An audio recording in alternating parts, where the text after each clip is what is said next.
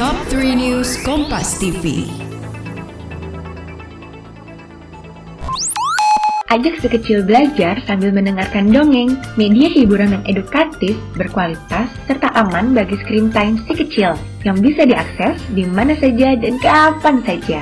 Dengarkan dongeng pilihan orang tua hanya di Spotify dan kanal podcast lainnya.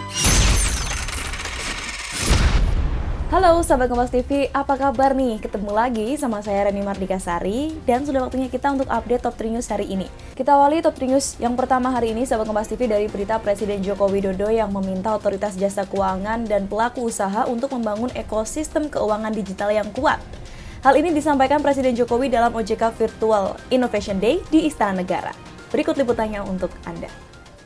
Menurut Presiden, penguatan ekosistem keuangan digital juga dapat memitigasi risiko permasalahan hukum dan sosial di masyarakat, seperti maraknya penipuan dengan modus pinjaman online. Dengan ekosistem keuangan digital yang kuat, Presiden berharap Indonesia akan menjadi negara dengan perekonomian terbesar ketujuh di dunia pada tahun 2030. Kita ke berita yang selanjutnya, Sobat Kompas TV, terkait dengan peristiwa seorang ibu pedagang sayur di Pasar Gambir di Liserdang, Sumatera Utara yang mengalami penganiayaan karena pungutan liar oleh beberapa preman. Terkini, ibu tersebut malah ditetapkan sebagai tersangka. Berikut beritanya untuk Anda.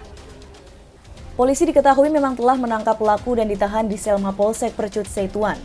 Namun aksi pemalakan ini harus berbuntut panjang karena saling lapor ke polisi.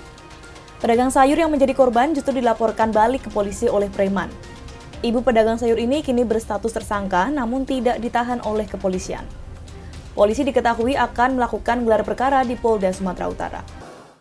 Kita ke berita yang terakhir, hari ini Sahabat Kompas TV, peternak unggas mandiri yang tergabung dalam paguyuban peternak rakyat Nusantara, serta sejumlah mahasiswa menggelar aksi damai di kawasan Patung Kuda, Jakarta Pusat. Aksi ini menuntut pemerintah memerhatikan nasib para peternak mandiri. Paguyuban Peternak Rakyat Nusantara menyebut selama ini peternak mandiri menghadapi persaingan dagang dengan perusahaan konglomerasi. Persaingan harga jual dengan perusahaan di pasar tradisional menyebabkan peternak mengalami kerugian signifikan selama kurun waktu tiga tahun.